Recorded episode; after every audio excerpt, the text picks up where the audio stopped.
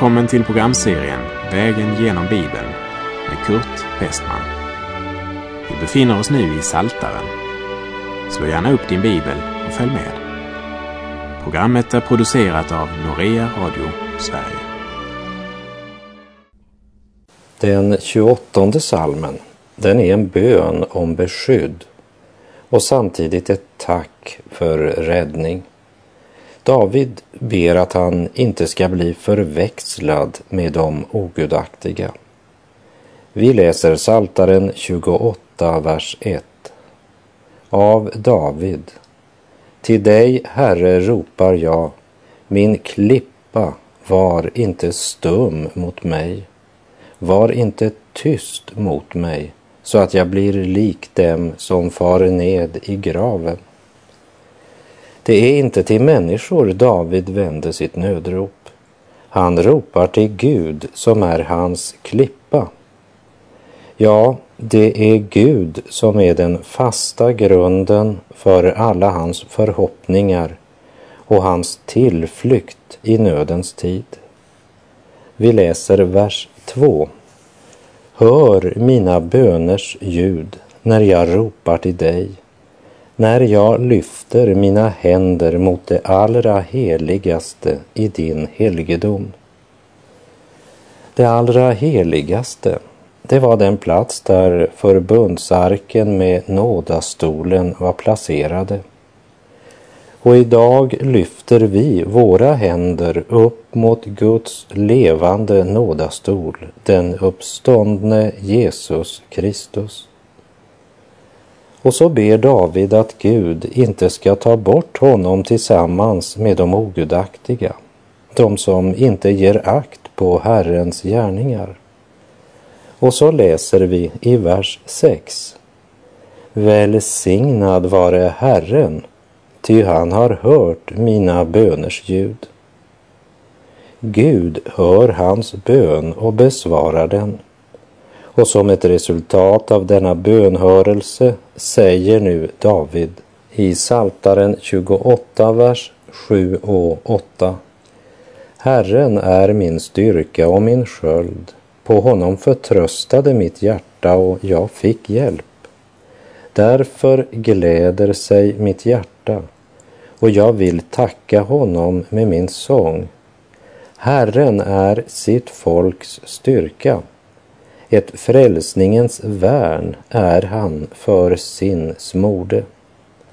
Herren är min styrka, säger David. Kan du säga detsamma? Låt oss då också tacka Gud för besvarade böner. Herren gör inte sitt folk starka, men han är deras styrka. Herren är sitt folks styrka. Och vers 9. Fräls ditt folk och välsigna din arvedel och var deras herde och bär dem till evig tid. Samtidigt som den här bönen på ett särskilt sätt syftar till Israel så är det också en bön för hela den stridande kyrkan. En bön om att Gud själv ska vara en herde för sin jord och rikligt uppfylla både deras andliga och kroppsliga behov. I Jesaja 40, vers 11 står det Han för sin jord i bet som en herde. Han samlar lammen i sin famn och bär dem i sina armar och sakta för han moderfåren fram.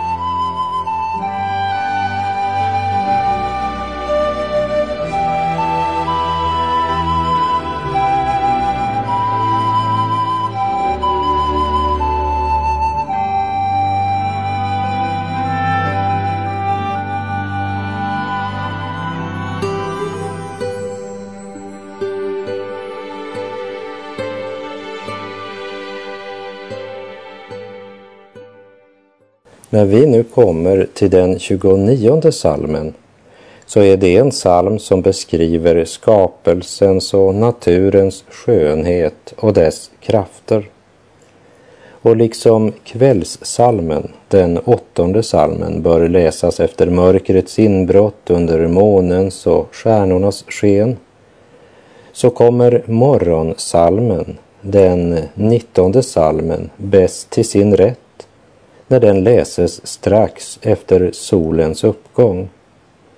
Och den 29 salmen strålar klarast när den läses under storm och oväder, när åskan dundrar och blixtarna lyser.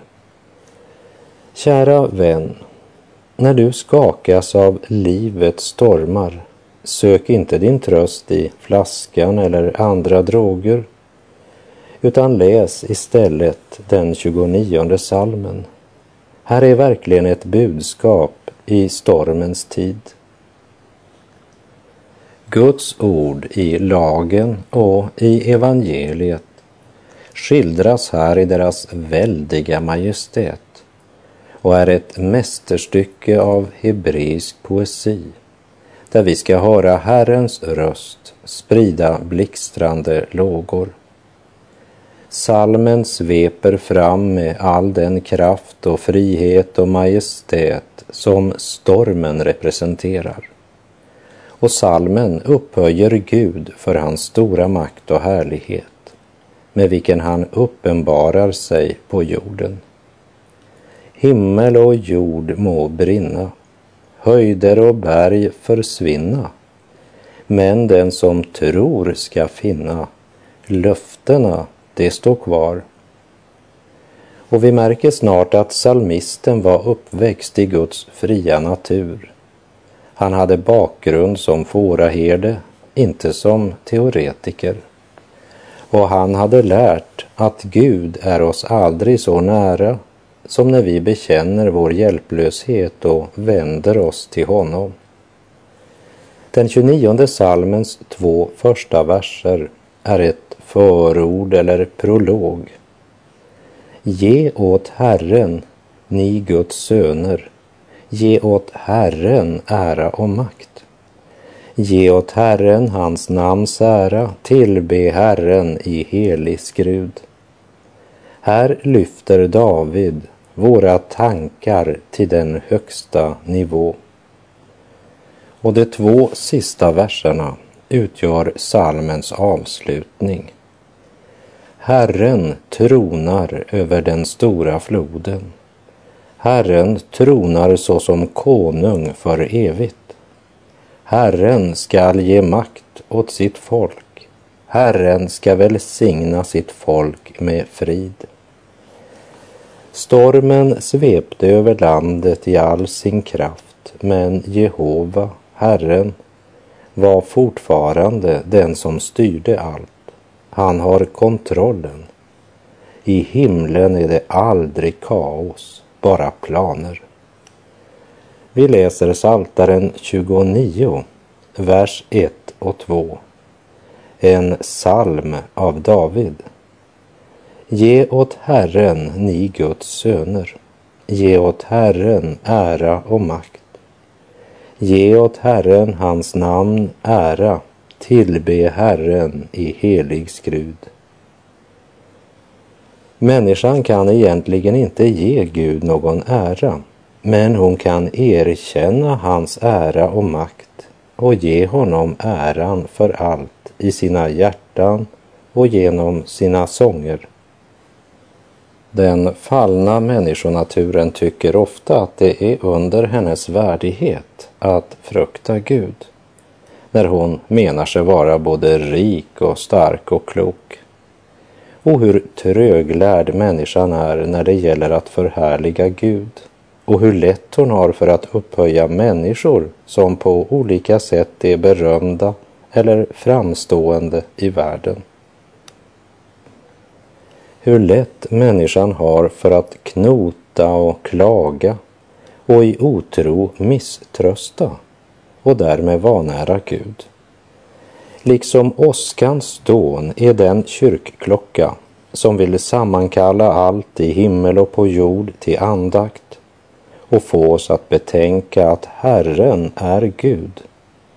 Så uppmanar oss också salmisten att åt Herren ge ära och makt, det vill säga erkänna hans suveräna makt och majestät. Och i de nästa tre verserna så ska vi lägga märke till att Gud och Herren nämns vid namn sju gånger. Vi läser Saltaren 29, verserna 3 till och med 5. Herrens röst går över vattnen. Gud den härlige dundrar. Herren över de stora vattnen. Herrens röst ljuder med makt.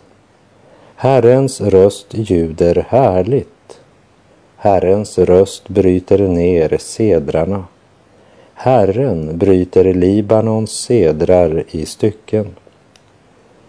Här presenteras vi för stormens början och vi påminns om att åska och storm kommer och går utan att människan kan göra något åt det. Och det borde fylla våra hjärtan med vördnad. Att Herrens röst ljuder i stormen är inte bara ett poetiskt uttryck, men det är en verklighet. Även om den sanningen är fördold för de flesta människor. För när människan vänder Gud ryggen så förblindas både hjärta och tankar. Synden förblindar människan så att hon varken ser eller förstår att det är Gud som talar, också genom de olika naturkrafterna.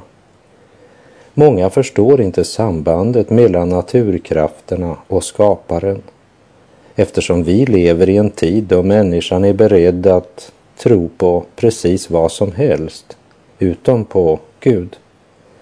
Men David, mannen efter Guds hjärta, han hör Herrens röst ljuda med makt när stormen rasar.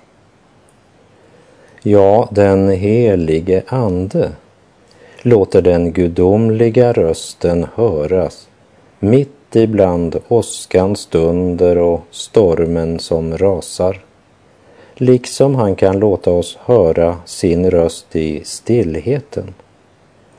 Herren bryter Libanons sedrar i stycken. Inte ens det största och starkaste träd står säkert när åsknedslaget träffar med kraft.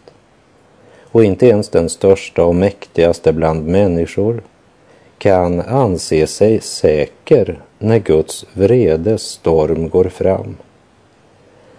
Och hjärtan som varit långt starkare och styvare än sedrar har gripits av Jesu kärlek och evangeliets värme.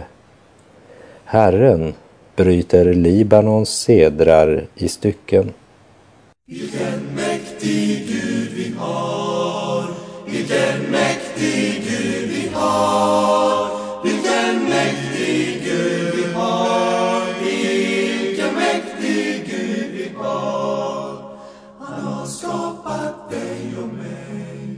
han har skapat dig och mig, han har skapat dig och mig, han har skapat dig och mig. Vi läser i Saltaren 29, vers 7. Herrens röst sprider ljungeldslågor. När Guds heliga lag blev given till Israels barn genom Mose så beskrivs det så här i Andra Mosebok 24, verserna 15 till och med 17. Så steg Mose upp på berget och molnskyn övertäckte berget och Herrens härlighet vilade på Sinai berg och molnskyn övertäckte det i sex dagar. Men den sjunde dagen kallade han på Mose ur skyn och Herrens härlighet tedde sig inför Israels barns ögon som en förtärande eld på toppen av berget. David säger Herrens röst sprider ljungeldslågor.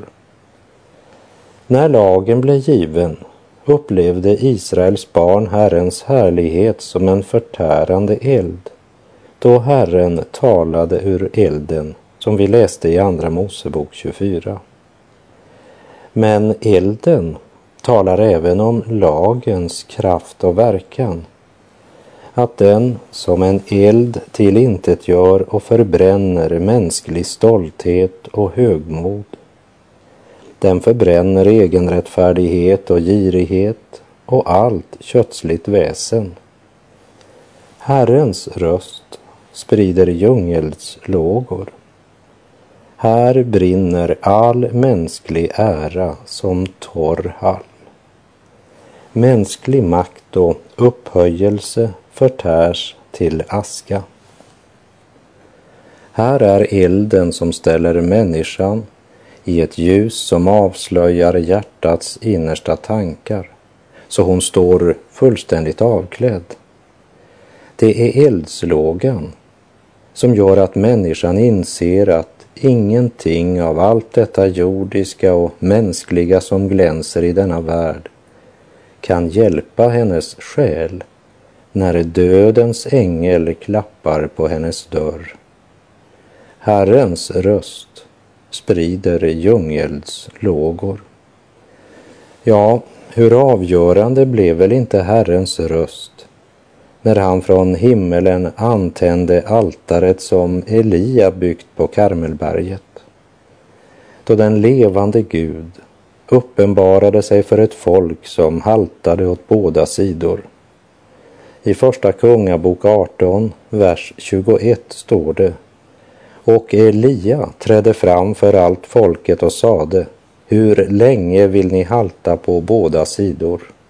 Är det Herren som är Gud, så följ efter honom. Men om Baal är det, så följ efter honom. Och folket svarade honom inte ett ord. Och så repeterar vi från Första Kungabok 18.36.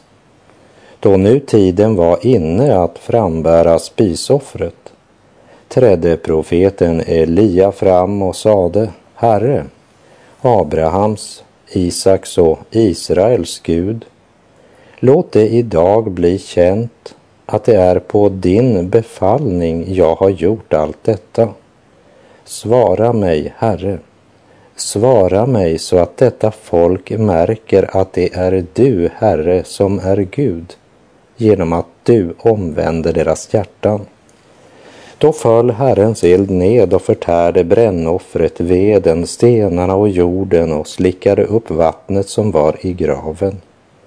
När allt folket såg detta föll de ned på sina ansikten och sade Herren är det som är Gud. Herren är det som är Gud. Vi kan liksom höra klangen av Davids vittnesbörd. Herrens röst sprider djungels lågor.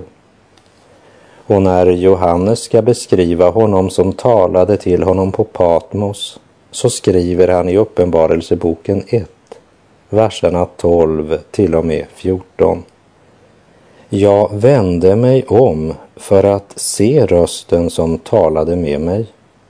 Och när jag vände mig om såg jag sju ljusstakar av guld och mitt ibland ljusstakarna en som liknade Människosonen, klädd i en fotsid klädnad och omgjordad med ett bälte av guld om bröstet. Hans huvud och hår var vitt som ull, som snö, och hans ögon var som eldslågor. Vi läser vidare Saltaren 29, vers 8 och 9. Herrens röst kommer öknen att bäva. Herren kommer Kades öken att bäva. Herrens röst får hindarna att föda. Skogarnas klädnad rycker han bort. I hans himmelska boning förkunnar allting hans ära. Herrens röst kommer öknen att bäva. öknen. Ja, om en människan försöker undfly sina samvetskval genom att gömma sig där det inte finns något som påminner om Gud, i syndens vildmark, där hon trodde sig finna en fristad där hon kunde synda i ro och trygghet. Men till och med i den vildemarken ljuder Guds röst. I Saltaren 139 vers 7 och 8 står det Vart ska jag gå för din ande och vart ska jag fly för ditt ansikte?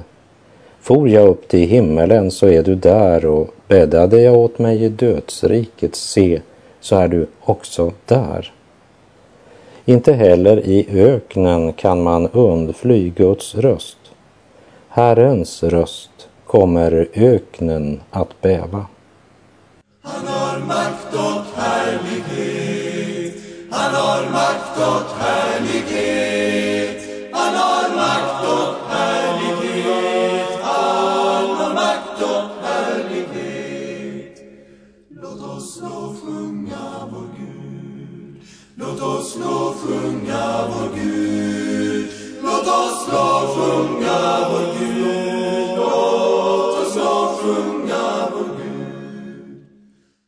Därmed så har vi kommit till den 29 salmens avslutning, salmens epilog, och det är verserna 10 till och med 11. Herren tronar över den stora floden. Herren tronar såsom kung för evigt. Herren ska ge makt åt sitt folk. Herren ska välsigna sitt folk med frid. Herren tronar över den stora floden. När det stormar eller när stormen stillnar, hela tiden är det Gud som har kontrollen. Herren tronar över den stora floden. Först kommer stormen, sedan följer floden. Men Gud är förberedd på att floden ska komma, ja, han tronar över den. Ingen översvämning i världen kan skaka hans rikes grundvalar och hans kraft ska vila över våra liv också i stormarnas tid. Ja, på ett särskilt sätt i stormen. För som vår dag är, så ska också vår kraft vara. Herren ska ge makt åt sitt folk. Varför är vi så svaga när vi har tillgång till gudomlig kraft? Petrus skriver i sitt andra brev kapitel 1, verserna 3 och 4. Ty allt som hör till liv och gudsfruktan har hans gudomliga makt skänkt oss genom kunskapen om honom som har kallat oss genom sin härlighet och ära. Genom den har han gett oss sina dyrbara och mycket stora löften för att ni i kraft av dem ska få del av gudomlig natur sedan ni kommit undan det fördärv som på grund av begäret finns i världen. Varför är vi så missmodiga, sorgsna och bedrövade då Jesu egen frid är vår? Herren ska välsigna sitt folk med frid. Kära vän, läs den 29 salmen när du skakas av livets stormar. Och vet att den här salmen, den har ett budskap till oss som tillhör den nya skapelsen. För vi tillhör inte den gamla Adam, men den nya. Andra Korinthierbrevet 5.17 säger alltså om någon är i Kristus är han en ny skapelse. Det gamla är förbi. Se, det nya har kommit. Ja, sannerligen, det nya har kommit. Och det är orsaken till att jag inte håller sabbatsdagen, det vill säga jag firar inte Herrens dag på lördagen, utan firar Herrens dag, uppståndelsedagen, på söndag. Jag har mer än en gång hört frågan, när blev sabbatsdagen förändrad? Men den har aldrig blivit förändrad. Det är vi som är förändrade, förvandlade. Och vi är nu förenade med den uppståndne och levande Kristus. Vår nya dag för tillbedjan, bön och lovsång är veckans första dag, uppståndelsedagen. Åt Adam gavs herravälde över skapelsen, men han förlorade det.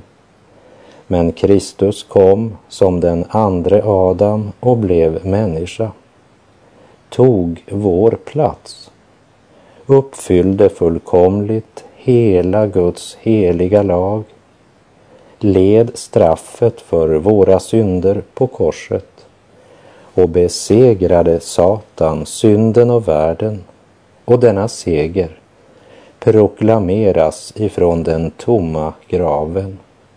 Kristus är uppstånden. Jesus, vår frälsare, lever.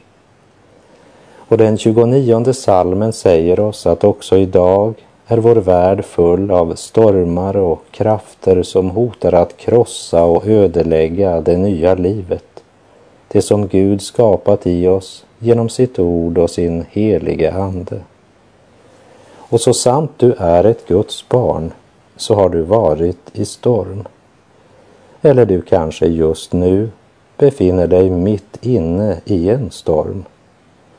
Glöm då inte att Herren tronar såsom konung för evigt. Och Herren ska ge makt åt sitt folk. Herren ska välsigna sitt folk med frid. Läs gärna den 29 salmen en gång till efter programmets slut och läs de två sista verserna högt för dig själv om och om igen. Herren tronar över den stora floden. Herren tronar såsom konung för evigt. Herren skall ge makt åt sitt folk. Herren ska välsigna sitt folk med frid. Och med det så är vår tid ute för den här gången. Herren vare med dig. Må hans välsignelse vila över dig. Herren ska välsigna dig med sin frid. Gud är god.